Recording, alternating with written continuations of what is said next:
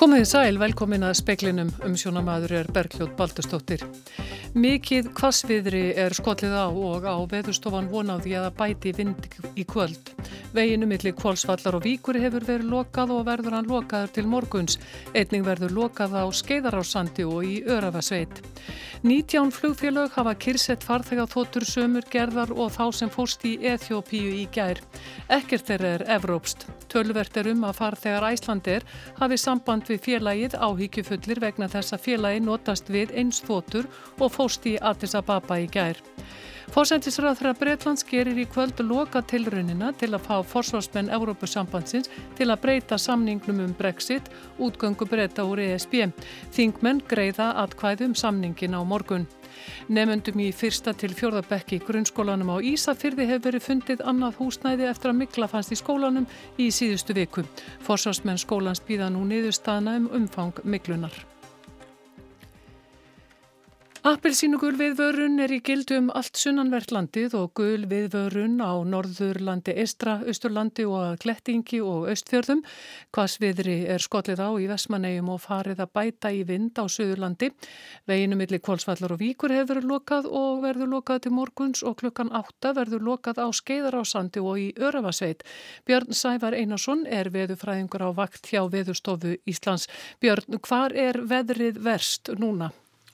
Já, veðrið að verst undir eigafjallum og í vestmanna eigum og það maður búast við sagt, í kvöld fari allt upp í 35 metra á sekundu þar í meðalvind eða forveðri styrk.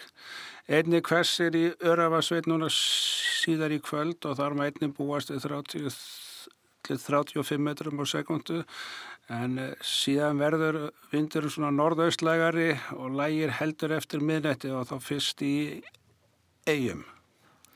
Og, og hvenar verður þetta búið? Eh. Já, það verður, eh, það er núna læginum mjög fljóðlega upp úr, úr miðnætti í e eigum en síðan undir eigafjöllum með morninum og einnig örafasveit. En síðan má líka benda á það að það verður sagt, snjókoma hríð á norðausturlandi og, og öllum fjallvegum á austurlandi og talsverðu og úrkoma og maður það búast við í að á morgun þá verði sagt, veður til trafala þar. Og hvað á fólk að gera eða einhverja viðvaranir svona eða fyrir þá? Já, það sem er svona kvast þá fólk nú bara að vera inni og, og býða af sér veðrið. Takk fyrir þetta Björn Sævar. Takk fyrir. 19 flugfélög hafa kyrsett þótur sínar af gerðinni Boeing 737 MAX 8 vegna flugslýsins í Eþjópíu í gær. Þeirra á meðal eru 13 flugfélög í Kína. Ekkert evrópst flugfélag er þeirra á meðal samkvæmt samantekt danska ferðavefsins Tjekkin. Stjórnveldi í Eþjópíu, Indonési og Kína hafa fyrirskipað að hætt verða að nota MAX 8 þótur meðan rannsakaðar eru ástæður þessa eþjópíska þótan fórst skömm eftir flugtak frá Addis Ababa í gær. Það sem sem veldur frekari áhyggjum er að í oktoberloki fyrra fóst samskonar þóta við svipaðar aðstæður í Indonésiu. Boeing 737 MAX 8 þóttur voru fyrst teknar í notkun árið 2017 um 350 þóttur þessarar gerðar eru í notkun. Og farþegar Æslandir hafa líst áhyggjum af því að félagi notast við þrjár Boeing 737 MAX 8 þótur, sömugerðar og fóst í Addis Ababa og í Indonésiu. Félagið hefur ekki séð ástæði til að kyrsetja velarnar. Jens Þórðarsson er framkvæmtastjóri Rekstrasviðs Æslandir. Já, farþegar hafa tölvört verið að hafa samband við okkur og, og hérna, við skiljum það mjög vel og við reynum að útskýra eins og hægt er fyrir uh, viðskiptaðveinum okkar hvernig ástætt er og sem betur fer taka langt flestir þeim skýringum og vilja kannski fá bara nánari upplýsingar frá okkur, taka langt flestir því, því og, og hérna, skilja hvernig ástatt er og við reynum bara að breyðast við því eins og kostur er, við, eins, og, eins og maður segir, maður hefur fullan skilning á því að, að, að þetta skapi og valdi áhugjum. Hefur fólk reynilega hætt við að fljúa? Ekki svo ég veitinni. Og þetta var Jens Þórðarsson í viðtali við Jóhann Bjarnar Kolbeinsson. Til átaka kom á milli lauruglu mótmælenda á Östurvelli í dag þar sem fólk var samankomið til að mótmæla brottvísunum og afbúnaði hælisleitenda. Tugir lauruglumanna vöktuðu mótmælin. Svo virðist sem að upptök stimpingana meir ekki til tilraunar mótmælenda til að koma upp tjaldi. Með mótmælunum vilja hælisleitendur ná til íslenskara stjórnvalda og vekja aðtikla á þeim ómannúlegu aðstæðum sem hælisleitendur búa við að þér segir á Facebook síðunni Refugees in Iceland. Theresa May, fósætisráður að Breitlands, helt undir kvöld til Strasborgar til að reyna að telja aðstu ennbætistmenn Evrópusambandsins á að gera breytingar á Brexit-samningnum um útgöngu breyta úr sambandinu. Atkvæði um samningin verða greit í breska þinginu á morgun. Utanríkis ráþara Írlands greindi frettamönnum frá því í dag að Theresa May væri væntanlega til Strasborgar í kvöld. Aðstu ennbættismenn Evrópusambandsins eru þar stattir vegna allsherrarfundar Evrópuþingsins. Hún lagði síðan af stað frá Lundunum síðdegis. Fyrir í dag var staðfest að May hefði í dag rætt í síma við Jean-Claude Juncker, forsetta framkvæmda stjórnarinnar. Þingmenn á breska þinginu hafa þegar felt Brexit samningin einu sinni. Allt eins er búist við að þeir geri það aftur á morgun. Farið svo er ljóst að brettar ganga úr ESB samningslausir eftir áttján daga nema að útgöngunni verði frestað. Theresa May tók svo djúft í árinni á fundi í Grimsby fyrir helgi að svo kynni að fara að ekkert yrði af Brexit. Michel Barnier, aðalsamningamæður Evrópusambandsins, greindi frettamönnum frá því í dag að samningamenn Breitlands og ESB hefðu ræðist við um helgina. Þær viðræður skiluðu engum árangri. Barnier sagði í dag að Theresa May væri næra að einbeita sér að því að semja við þingmenn á breska þinginu í stað þess að reyna enn frekar að ná fram breytingum á samningnum. Áskeir Tómasson sagði frá og við þetta má bæta að vonir á yfirlýsingu frá Strasborg og úr breska þinginu klukkan nýju í kvöld. Farþega þóta frá rúsnenska flugfélaginu Ural Airlines lendi á flugvöllunum í Baku í Azerbaijan í dag eftir að flugmönnunum var tilkynnt að sprengja væri í henni. Um borði flugvöllinu voru að mest okkusti 225 manns. Lendingin gekkað óskum og farþegar og áhöfn flutt frá borði með hraði. Þótan var á leið frá Moskvu til Bareins. Engin sprengja hafði fundist síðast þegar frettist en eitt farþegarna var handtekinn. Forsvarsmenn grunnskólans á Ísafyrði býða nú eftir niðurstöðu umfangsmikillar sínatöku í skólanum eftir að mikla fannst í tveimur kennslustofum í síðustu viku. Bæjastjóri Ísafjörðabæja segir að engin veikindi vegna miklunar hafi verið staðfest en að ákveðið hafi verið að gæta ítrustu varðuðar. Mikla fannst það sem lekið hafði niður með glukkum og niður í dúk. Síni hafa nú verið tekin úr öllum skólastofum almennar sem er gamli gagfræðskólinn en Guðmundur Gunnarsson, bæstöru Ísafjörðabæjar, segir að ákveði hafi verið að grýpa til varúðar ástafana. Við lokuðum allir í skólaálmunni, fluttum til þessa fjóra yngstu bekki, eh, gáfum frí í einn dag á meðan við vorum að að hlýðra til og vinna þetta með eh, okkar góða starfsfólki og svo er það núna í, í tværi að þrjár vikur þá verður þessari álmu lokað á meðan við erum að átta okkur á umfanginu þannig að við getum átta okkur betur á því hvaða aðgerð við þurfum að grípa til. Lokunin á álmunni nær til um 150 heimila en nefnundum í fyrsta til fjörðabekk verður kent í öðrum kennslustofum skólans og í húsnaði dagratvalar. Guðmundur segir ekki leikja fyrir að miklan hafi orsakað veikindi en í brefi til fóreldra er þeim bent á að setja sér í samband við skólahjókunafræðing ef spurningar vakna. Álman er frá 8. áratugnum og Guðmundur segir að glukkum hafi verið skipt út um aldamótin en húsið tekið í gegnað utan 2003 til 2004. Við satt að segja áttum ekki von á að fá þessa nýðustöðu úr þessum hluta byggingarinnar. Það verður bara að segjast eins og er en, en auðvitað náttúrulega er aldrei ofarlega að fari. Blessunarlega þá, þá var það gert í þessu tilviki og, og okkur finnst það í rauninni skild okkar að bregðast þá bara við með íþrustu varðarástöðunum og, og leifa þá í rauninni nefndum, kennurum og starfsfólki að njóta vafans. Og þetta var Guðmundur Gunnarsson, það var Halla Ólafstóttir sem talaði við hann. 46 skiluði í gærin umsögn um greinargerð fósætisráðuneytisins um staðartíma á Íslandi, stöðumat og tillögur í samráðskátt sem var, í, var lokað á miðnætti. Gáttin hefur verið opinn frá því 10. janúar og hafa næstum 1600 manns líst skoðun sinni á hugmyndum um breytingar og klukkunni. Afstafa umsegjanda til þryggja kosta sem borðnir eru upp er ólík. Spurt var hvort fólk vildi kosta, halda klukkunni og breytri en hvetja fólk til að fara fyrir háttin. Kost B senka um eina klukkustund frá því sem nú er til samræmis við nattstöðu eða kost sé sem sviparendar mjög til að. Það er að klukkan verði óbreytt en skólar og jafnvel fyrirtæki og stofnanir byrji setna. Pálmei Elín Sigtryggsdóttir, svo sem fyrst tjáði sig 10. januar, vildi láta klukkuna í friði. Hver og einn ætti að ráða tíma sínum sjálfur. En síðastur skrifar Eistedd Pétursson, honum hugnast heldur ekki að klukkunni verði breytt og telur að margir myndu sakna síðdegis og kvöldbyrtu. En þar á milli er að finna margar og misítarlegar umsagnir. Nú tekur við úrvinnsla umsagna í ráðunettinu en niðurstöður samráðsins verða byrtar þegar þeirri vinnu líkur. Anna Kristín Jónsdóttir saði frá. Það er frekar óljóst hvaða nákvæmlega fælst í starfi aðstóðamanns í NPA. Þrátt fyrir að um hálft ár sé liði frá því að lögum NPA tóku gildi og fyrstu NPA samningarnir hafi verið gerðir fyrir nokkrum árum. Starfið er ofunjulegt og vaktirnar geta verið alltaf tveggja sólarhinga langar. Oftast gengur vel, en ekki alltaf.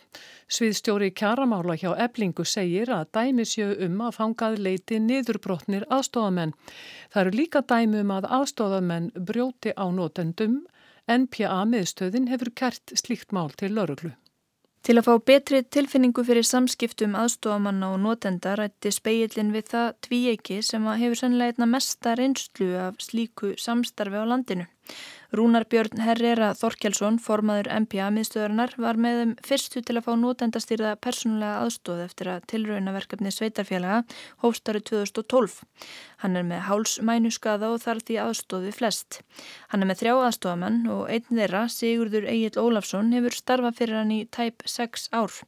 Rúnar lýsir samskiptinu. Það er náttúrulega þegar aðstofamenninni mín er orðin mjög vanir mér þá fara þeir að þekkja mjög mikið hvað ég vil þannig að þegar ég til dæmis kemnir í örkjabandala þá vita þær að, að kaffibotli er fyrsta mál á dasgra svo er, tala ég oft við þá með svona kannski svona lágum hljóðum eða bendingum. Eins og ég bendi á augun á mér þá vita þær að ég vil fá glerugun mín. Ef ég slægi hérna, höfuð á mér þá, þá er komin tíma á húu og hérna þannig að það verður svona auðveld samskipti og svo stundum bara auksvipir og svona að maður nær samband líka í gegnum ef maður er til dæmis á stórum fundi og eitthvað svona þá getur maður náð sambandi auksambandi við það og hérna gefið þeim svona merki um hvað maður vill og já, bent á botlan eða eitthvað svona. Og svo er ímislegt sem maður þarf að útskýra mjög vel og vandlega. Við verum að dúla okkur eitthvað heima í einhverju verkefni laga eitthvað eða taka eitthvað í sundur eða eitthvað svona hobby. Svo stundum þá fáður að fara eitthvað afsíðis og þá þá nota ég mikið Facebook þá sendi ég þeim bara svona thumbs up þegar ég vil ná á þeim og þá koma þær til mín. Og þetta gengur bara vel með alla? Já, mér finnst þetta bara vera mjög fínt sko. Ég held að ég hef alltaf verið svona svolítið svona þegar að fólk fer að þekkja mig þá fer ég að tala við það svona með, með svona hvað, gestures Honum helst vel á starfsfólki og segir mikilvægt að sína aðstofamönnum virðingu og lifa virku lífi, gera eitthvað skemmtilegt. Í starfslýsingu sem rúnar semur fyrir aðstofamenn er að finna reglur um hvar ímis mörg liggi. Til dæmis að starfsmenn spjall ekki við vinu og kunningja sem þeir hitta á förnum vegi. Þá áttu að segja að þú ert í vinnunni og að þú getur ekki tala núna. Ég gef ekkert fimm mínútur. Engar fimm mínútur? Nei þó að það sé einhver sem aðstofamæður og nefnir ekki hitt í tíu ár. Nei, nei, hann er í vinnunni er, hérna, þú myndir ekki vera hress við ef að hérna, starfsmæður á hérna, afgræslukassa væri að spjalla við einhvern í fimm mínútur. Tengslinn eru ólík bæði eftir hver aðstofar hann hverju sinni og eftir aðstæðum. Rúnar segir að aðstofamennir verði líka vinir hans. Það sé kannski eitthvað sem fáir viti. Það því að um leið og ég er komin út á meðal fólks þá draga þeir sér hlið þannig að það er líka mjög áhugavert og það er þar sem að þeir skilja og hafa þessi skýru mörg sem eru samt ekki alveg skýr um að þegar að ég er kannski í vinnunni eða, eða áfundum eða út í bæ með vinnum eða með fjölskyldu þá eru þeir í allt öðru hlutverki heldur en þegar við erum kannski í bílnum á leðinni angað. Í gildi er kærasamningur NPA miðstöðurnar við eblingu og fleiri félög. Sumt er óvenjulegt í samningnum. Aðstofa fólki vaktavinnu fær til dæmis ekki sérstaka matar og kaffetíma. Svo er það lengt vakta. Fyrirkomlega getur verið breytilegt allt eftir því hvað hendar hverjum notanda. Í gildi er sérstök undan þá um frávik frá vakt og kvildartíma. Þá má því skipulegja alltaf 48 klukkustunda vaktir að því gefnu að aðstofamanni sé tryggð allavega 8 tíma kvild á sólaring þar af 7 tíma samfelt kvild með að hámarki einu kvildarrofi. Sigurður Egil og aðri starfsmenn Rúnas vinna tæplega tveggja sólaringa vaktir í senn. Þeir eru með aðstöðu í herbergi heima hjá honum og kvíla sig þar á meðan að hann sefur. Hann getur svo ringt bjöllu ef hann þarf á þeim að halda.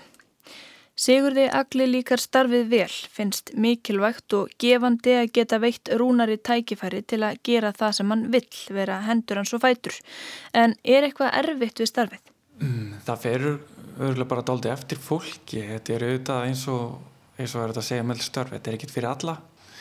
Ég menna þetta getur verið rosalega persónlegt og, og bara, ef maður vil sjá um bara persónulega reynlendi eða salinsferðir og eitthvað svoleiðis. Og fyrir sumar er það kannski ekkert mál en fyrir aðra sumir geta kannski ekkert ímynda sér að gera það annars er þetta kannski bara jætt fjölbreytt og það eru margir notendur en líka bara, bara hjá mér það getur verið mjög mísnönd bara eftir dögum og tímum það, það, geta alveg komið verið mjög mikið að gera á stundum en síðan geta komið kapla sem er, er kannski bara mjög rólegt Hvað er svona augum lítur í eitthvað samband? Eru þið vinnir eða? Já, þetta er alveg klálega þróast á þáli að erum, hann er ekki bara minn yfirmæður og ég er ekki bara hans starfsmæður að ég, við erum líka alveg mjög góðu vini sko. en maður er að þekkja mörkin og oftast er samband okkar svona það er alveg mjög auglust að ég sé í vinnunni sko oftast. En maður fer alveg í vinnaginn í stundum og maður fýblast og djókar og tölur saman og svona. En maður verður að vita hver mörkin er og hvenar það er við hæfi og hvenar ekki.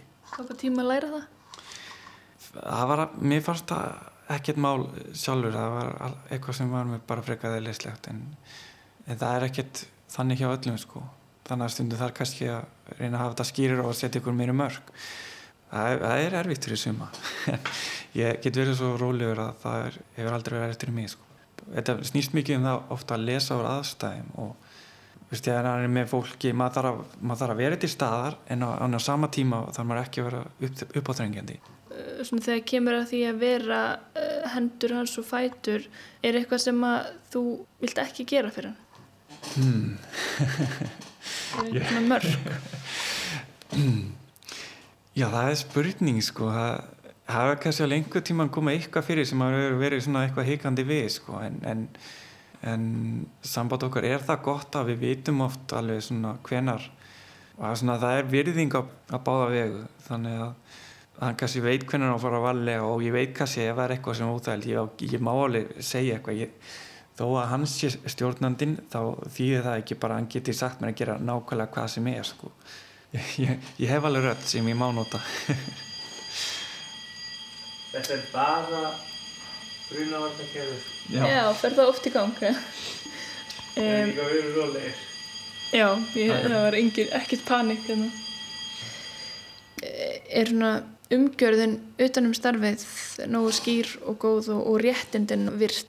Já, ég held, held það sko. Það er auðvitað kostur og galla við að uh, langa vaktir að geta ekki manni, sérstaklega maður er kannski ekki að súa, að súa heima á sér og það er ekki það er ekkert skemmtileg sko en, en þá leiti hefur maður stundum kannski mikið frí Það gengur vel hjá Rúnari og Sigurðagli en það ekki við um alla Heiður Hrund Jónsdóttir rannsakaði fyrir þremur árum starfsaðstæður aðstofafólks í ljóskom að flestir voru ánaðir í starfi en sumir sögðust hafa íhugað að hætta vegna óskýra hlutverka bæði notanda og aðstofamanns og þá síndir rannsóknin að 6% sögðust hafa orði fyrir ofbeldi af hálfu notandans. Ragnar Ólason sviðstjóri kjaramála hjá Eblingu segir að félaginu berist öðru hverju mál tengd NPA. Þessi mál geti verið mjög sérkennileg. Hann segir aðstofamenn yfirleitt leita til félagsins vegna launamála en líka til að fá úr því skorið hvar mörgin í starfinu liggi. Ofta til mjög erfið og snúið mál þegar sem þetta snýst náttúrulega um, um, um mjög náinn tengst á milli sænsnælinga. Hann nefnir dæmi þar sem notandi vildi hjálpa vini sínum að flytja. Aðstofamaðurinn átti þá að bera þunga hluti út úr íbúð vinarans. Þá segir hann að upphafi komið tilvik þar sem aðstofamaður bjó hjá notanda og mörkin millir vinnu og engalífs fóru skorðum. sem og dæmi um að aðstofamenn hafi þurft að sofa inn í herbergi notanda. Verstu dæmin séu þó þegar notendur hafi beðið aðstofamennum að fullnæja sér kynferðislega. Aðstofamenn hafi leita til félagsins niður brotnir í kjölfars líkra aðtöka. Hjörtur Eistensson, frangandastjóri MPA miðstöðurna, segir að grundvallarreglan sé svo að notandi get ekki ætlast til þess að aðstofamæðurinn ger eitthvað ólöglagt eða eitthvað sem skadar aðra eða hann sjálfan. Síðan séu grá svæði í samskiptunum sem spanni í raun allt sem geti komið upp á í lífi fólks. Það hafa borist ímis álitamálin á borð miðstöðurinnar sem lúta samskiptum aðstofamanns við notanda og árakstrum í samskiptum aðstofamanns við aðra á heimili notanda. Ekkert þessara mála segir hann hafi verið alvarlegs eðlis. Að mati hjartar ættu notendur að geta hjálpað vinum sínum að flytja. Honum finnst því ekki óeðlilegt að aðstofamenn beri húsgögn en segir ekki að þetta ætlast til þess að þeir púla allan daginn. Hvað varðar þau tilvik þar sem notendur hafa beðið aðstofamenn að aðstofa sig við kynlíf eða kynlífsatafnir, segir hann mörkin óskýr. Kynlíf sé eðlilegur partur af lífi fólks en að samaskapi sé erfitt að ætlas til þess að aðstofamenn aðstóði við það. Hjörtur telur ekki æskilegt að starfslýsing aðstofamanns verð of niður njörfuð. Þetta sé ekkit venjulegt starf. Honum finnst launþegarhefingin ekki sína sérstæðu starfsins nægan skilning. Það vilja að um það gildi sömu reglur og um hefðbundin störf bendi til takmarkaðs skilnings á NPA. Starfslýsing aðstofamanns ræðist fyrst og fremst af þörfum notanda. Notanda ber þó sangat reglugerð að tryggja aðstofafólki laun í samræmi við kjærsamninga og vinnuðastöður í samræmi við lögum aðbúnað, öryggi og hotlustuætt á vinnustöðum. Þá eiga notendur og aðstofafólk að sitja námskeið og vegum ráðunitisins en þessi námskeið eiga hefjast á næstunni. Hjörtur segir að þess megi vænta að umfjöllunum siðferðisleg álita máli í NPA verði umdild og flókin. Þessi mál sé oft háð gildismati og einstaklingsbundið hvar fólk drægi mörkin. Hann segir mikilvægt að halda því til haga að notendur sé oft sérstaklega berskjaldaðir gagvart aðstofamönnum.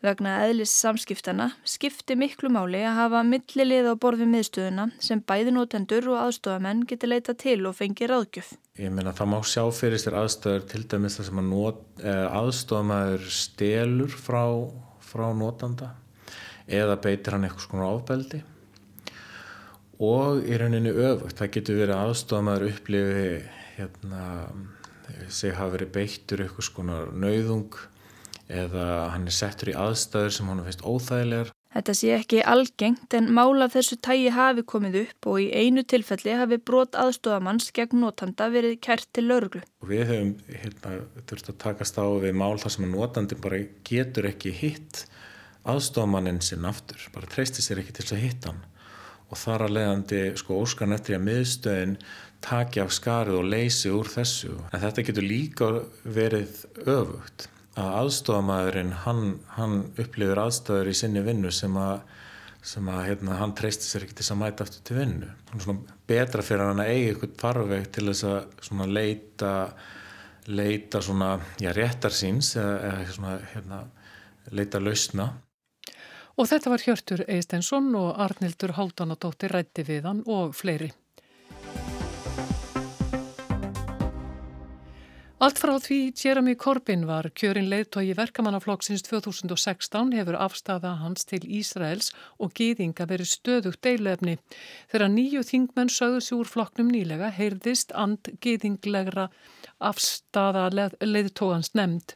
Flokkurinn er nú enn á ný heltekin af þessari umræðu sem stuðningsmenn Korbin segja runna undan revjum anstæðingans.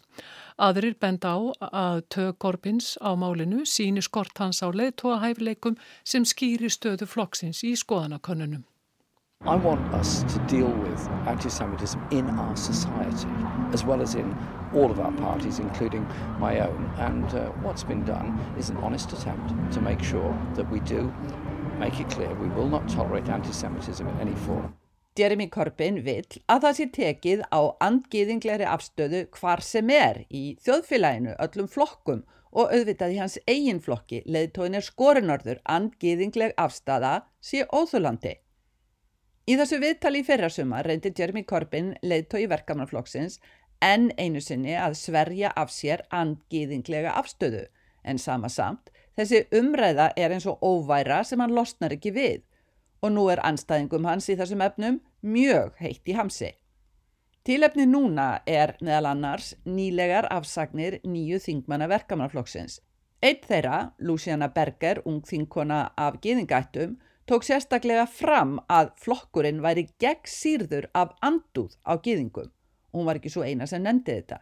Eftir úrgöngu þingmannana komu yfirlýsingar frá flokksfórustinu um að þetta var auðvitað allt mjög miður og þyrta aðtuga. Þá urðu ummæli þingmannsins Chris Williamsons, náinn samstarfsmanns Korbins til margra ára, og eldin. Á opnum flokksfundi sæði Williamson flokkin hafa verið allt of undalátt saman um mynda andgýðinglega afstöðu flokksins. Þegar upptöku með ummælanum var dreift var strax vísa til flokksregluna um að þetta vísa Viljámsson og flokknum meðan máli veri rannsakað. Flokksfóristan virtist hins vegar bara alltaf að býða og sjá til en því er hafnað að Korpin hafi sjálfur komið Viljámsson til varnar. Eftir hálfstags þóf urðu flokksreglurnar þó ofan á og Viljámsson vísað á dyr. Þarna var þá dæmi sem virtist sanna málstað hinn að óanægðu að Korbin heldi hlífiskildi yfir sínu fólki og eins að hann breyðist seint og linlega við. Formalandi óanæðra þingmanna verkamannaflokksins er Margaret Hodge sem er sjálf af geðingættum. Hún var ekki að skafa af því í viðtali vikunni við Breska ríkisútarpið. What is so awful about this is that Jeremy always proclaims zero tolerance of anti-Semitism. When it comes to the actual cases, if they're his mates, he doesn't demonstrate zero tolerance. And the other thing, he claims no political interference in, um, in, in these cases. There is... Það ræðilega er, sæði Hodge, að Korbin hamrar alltaf á að andgýðinglega afstafa sé óþúlandi.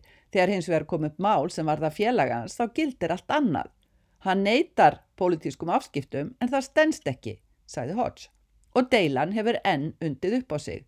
Í opnu brefi í vikunni til Korbins nefnir Hodge að á fundi þeirra fyrir viku hafi Korbin algjörlega hafnaði að nokkur í hans stjónustu hafi haft afskipti að fyrri klögumálum um andgiðinglega afstöðu. Nú hermi hins vegar uppljóstrari að jú, fólk Korbins hafi hindrað rannsókn slíkra mála. En Korbin er líka reyður því sangan fjölmjölum tók Hodge fundinu upp var með falið upptökutæki, algjörlega óþólandi, segi Korbin. Upptaka Hodge sínir hins vegar í nótskurn algjöran trúnarbrest. Hún treystir ekki leiðtónum til að segja rétt frá. Í öllu vandraganginum var ákveð að fá Falconer Lávar, gamlan samstarfsmann Tony Blairs fyrir um flokksleiðtóa fórsætsrað þeirra til að gera óháða úttækt. Það ótt allt í hennu samstarfskona Korbins að vera Falconer til hals og tröst sem Falconer segir fullkomlega óeðlilegt. Sumir vilja reyndar að óflokksbundin lögfræðingur verði látin kannamálið ekki lávarðurinn. En er gýðinga afstæðan þá kjarni málsins eða er loftið læfi blandið af öðrum ástæðum? Hodge hefur aldrei farið leint með að hún kausa ekki Korbin sem leiðtoga en það komi málun ekkit við. Stuðningsmenn Korbins telja vissulega að anstæðingar hans noti málið til að klekja honum. Hvernig sem í pottin er búið er ljóst að þrátt fyrir margar atrennur hefur korpin ekki tekist að hveða þennan draug nýður. Ímsir þingmenn telja málið því einmitt einkenna óburðuga stjórnarhætti korpins. Í þokkabót hafa hann í kringum sig litla samsinna klíku sem verði hann fram í rauðan döðan. Skoðanakannanir í vetur hafa sínt marktækt minna fylgi verkamannaflokksins en íhalsflokksins þrátt fyrir brexit vandragang ríkistjórnar íhjálpsflokksins. Sú staða er þingmönum verkamannflokksins verulegt áhyggjuefni og þá umhugsunarefni hver hlutur leðtogan sé í minna fylgi en búast mætti við. Og þetta var Sigrún Davíðstóttir í Lundunum. Veðurhorfur, austan og síðan norðaustan 15 til 23 metrar á sekundu á sunnanverðurlandinu en 23 til 35 metrar á sekundu undir eigafjöllum og í Vestmannegjum og einnig á suðausturlandi síðar í kvöld. Norðaustlægari og lægir heldur eftir miðnætti, austan og norðaustan 15 til 23, norðalands í nótt og snjókoma með köplum, dregur smá saman úr vindi á morgun. Hitti 0 til 5 stig, sunnan til, viða frostlust við sjóin, norðalands annars 0 til 6 stiga frost. Fleira er ekki í speiklunum í kvöld. Tæknimaður var Magnús Þorstein Magnússon. Verði sæl.